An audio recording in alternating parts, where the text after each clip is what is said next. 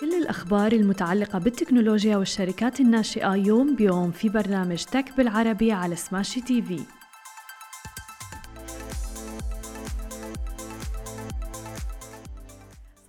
الخير. عناوين اليوم تويتر توافق على تسليم بيانات الحسابات المزيفة لإيلون ماسك وماكدونالدز تنضم إلى ورك بليس من متى. وآخر خبر معنا لليوم تيك توك يضيف ميزة إيقاف التمرير اللانهائي. يا أهلا وسهلا فيكم ببرنامجكم تك بالعربي. معكم أنا هالة بسام. وخلونا نبدأ أخبارنا لليوم ونحكي عن أول خبر معنا لليوم عن منصة تويتر والصفقة القائمة مع إيلون ماسك. يبدو أن إيلون ماسك الرئيس التنفيذي لشركة تسلا قد حقق انتصارا في مأزق مع تويتر بسبب طلباته المتكررة للحصول على بياناتها الداخلية فيما يخص الحسابات المزيفة.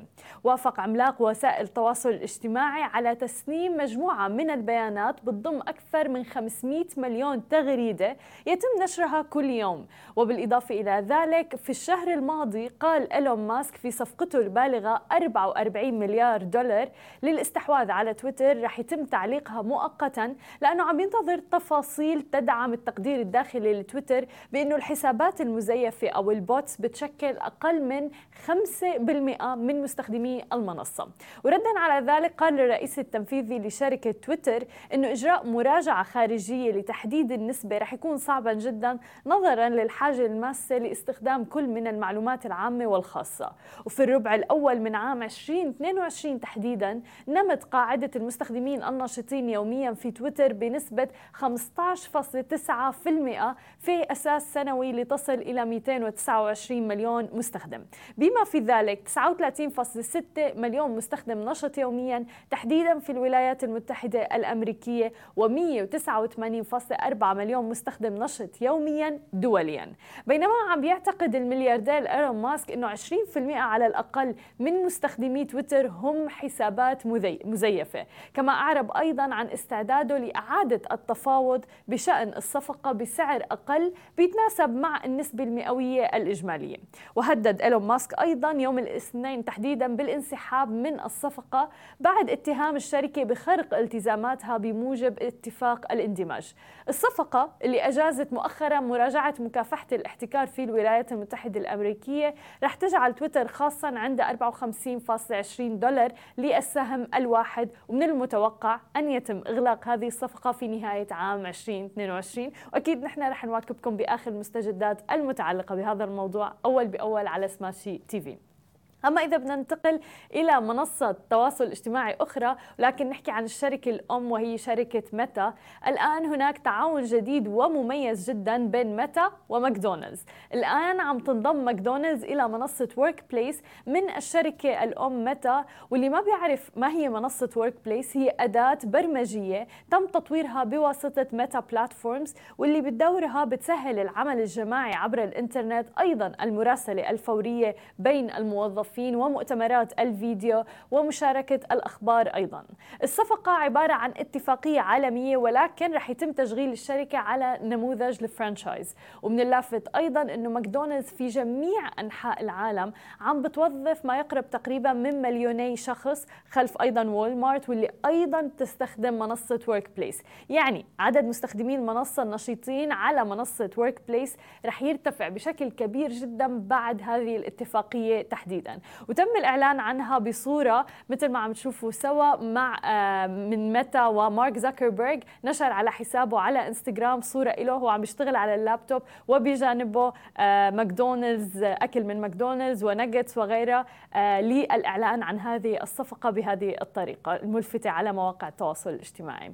أيضا في الحديث عن مواقع التواصل الاجتماعي والمنصة اللي اكتسحت الساحه بالفترة الأخيرة تحديدا منصة تيك توك عم بتضيف الآن تيك توك سلسلة من المميزات الجديدة المصممة ولكن لمنعك من الاختفاء داخل خلاصتها اللانهائية لمقاطع الفيديو القصيرة واللي عم بتسبب الإدمان.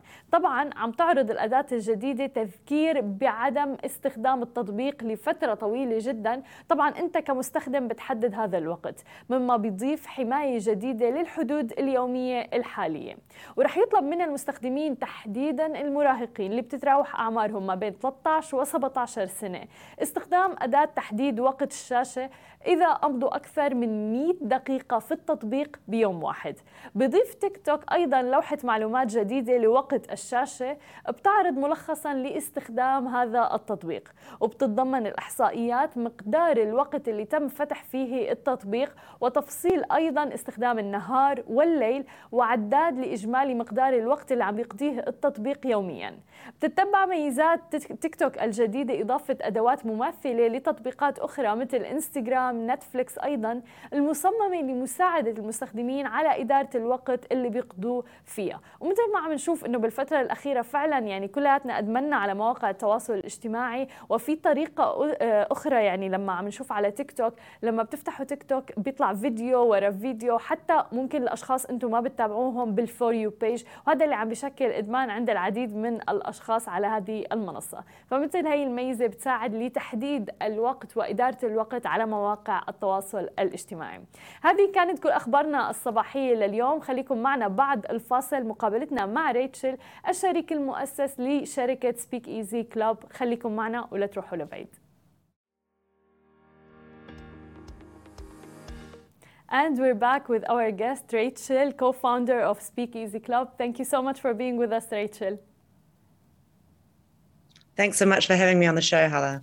Uh, tell us more about Speakeasy Club. When did you uh, started? And uh, you have also a co-founder. You guys are you have addiction to chocolate as well. That's the main point. I love it how that's your key takeaway from what we're focused on. But yes, as well as an addiction to chocolate, both Kat and myself, we're co founders of the Speakeasy Club, and we have a real passion in communication and in coaching others. So the Speakeasy Club is an online learning platform which empowers individuals to uh, train and develop their public speaking skills on demand and at their own pace. And if you take a step back, when we look at public speaking, we don't just mean standing up on a stage, presenting to an audience. It could be in a meeting, it could be asking for that pay rise from your boss. So it's, it's really public speaking in the broader sense.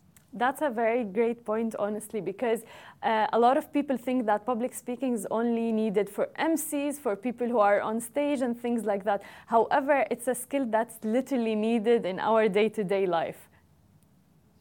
Absolutely. And we're always sort of salespeople presenting ourselves, aren't we? So it's not just for people that do it professionally, but people that really want to, you know, take that next step in their career. And public speaking communication is, is such a skill and i think that the pandemic has only heightened that because people have been so used to sitting behind screens and even those that were confident going into the pandemic maybe some of those skills are a little bit rusty now that they haven't had much face to face or as much human interaction over the past couple of years. 100% yeah. I was about to ask you like uh, did the pandemic did you see any trends the, are people more keen into learning uh, public speaking especially that your courses are online as well so that's convenient it's very convenient. So I think that's where helped us in a couple of ways, right? It's really, as you know, you're a professional in the technology space as well, but it really helps to scale a business and reach more people. So if you do face to face coaching, obviously you can only reach a limited number of people, but technology has really enabled us to scale our business effectively and people can learn on demand at their own pace, which I think everyone is used to now during the pandemic. Back to your previous point on how do I think it's actually affected people's public speaking skills? We've definitely seen a demand from executives and startups as well that are a little bit nervous, you know, going back to the office environment after the pandemic. So I think it's really helped us in that regard as well because we have seen a little bit more hesitation and nerves, even with people that were so used to public speaking and speaking in front of an audience going into the pandemic. Interesting point. And can you give us more examples of our day to day things that are needed for a skill like public speaking? Like, I would imagine, like a co founder, a founder in a startup pitching to an investor, you need to have the public speaking skills. Absolutely. And it's a really great point, Hala. And I think it goes back to a couple of things. It's the actual awareness and understanding of how to present effectively. But I think another thing about having strong public speaking and communication skills is it really helps your confidence. So, obviously, when you're going in to pitch to an investor, is a great example, the one that you mentioned, you have to have confidence in yourself, you have to have confidence in your business, you have to have confidence in your story, and you have to make sure that, that you communicate that message effectively. So I think pitching to investors is one great example. Asking for a pay rise from your boss is another one, and that ties in quite greatly to having the confidence to ask for that as well.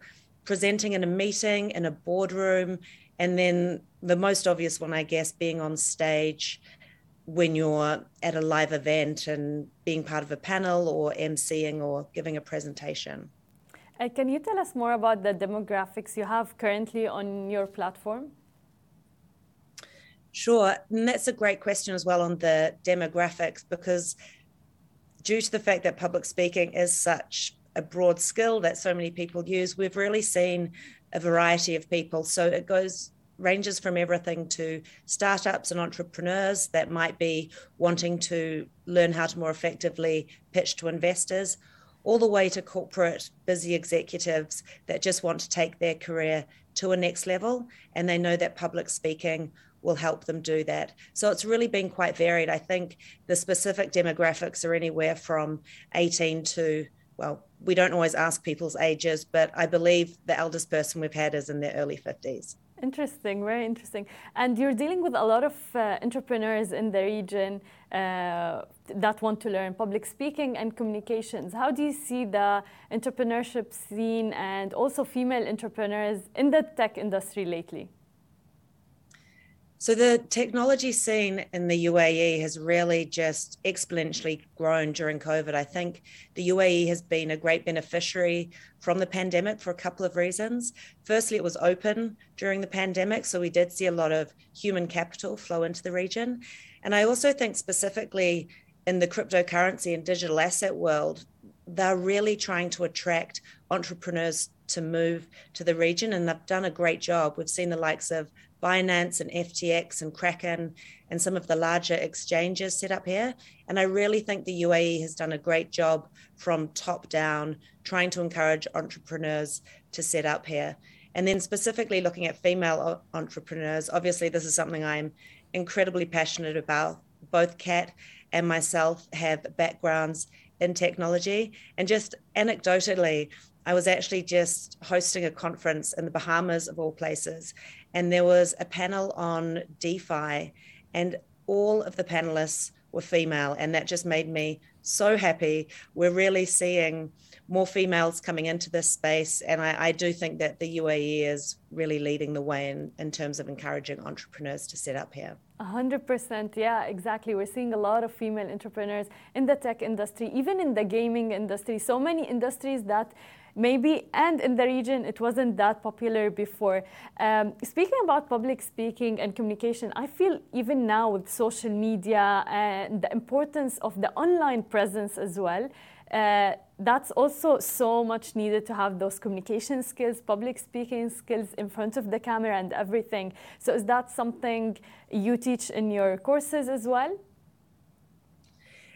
Online profiling and online communication is absolutely huge as you rightly point out. Everyone has a camera now. Everyone can set up their own studio in their living room so this is a specific module that we look at is how to present virtually as well. We don't specifically have a module at the moment focusing on social media, but watch this space. It is something that, that's amazing because there are so many brilliant people in their field, but however, when they come in front of the camera, they feel shy or things like that. So it's such a shame that they cannot even pass on their knowledge to the crowd just because they're camera shy and things like that. That's why I think such courses are much needed. We appreciate you saying that, and that is exactly the gap that we're trying to fill to, I guess, ease that that flow from the knowledge uh, and that's in your head to actually getting that out in front of a public audience. And by public audience, that absolutely includes social media and the virtual audience as well. 100%. Uh, can you tell us more about your uh, future plans? Yes, we have grand ambitions. We have, as you know, we've started accepting payment in Bitcoin. We're big believers in the digital asset ecosystem. We use it privately as well. So we're hoping to expand from a payment perspective into accepting more digital assets. And we're also looking at having additional modules in the future. So certain people have come to us and requested specific modules in you know spheres of influence how to build a network effectively specifically presenting on television so we'd like to grow the modules and also expand internationally beyond just the UAE and we have recently signed up our first client in Germany as well. So it's great to see that we've already hit another continent. That's amazing, like flexibility, adaptation to the future, and also expansion. Uh, Rachel, thank you so much for being with us and best of luck.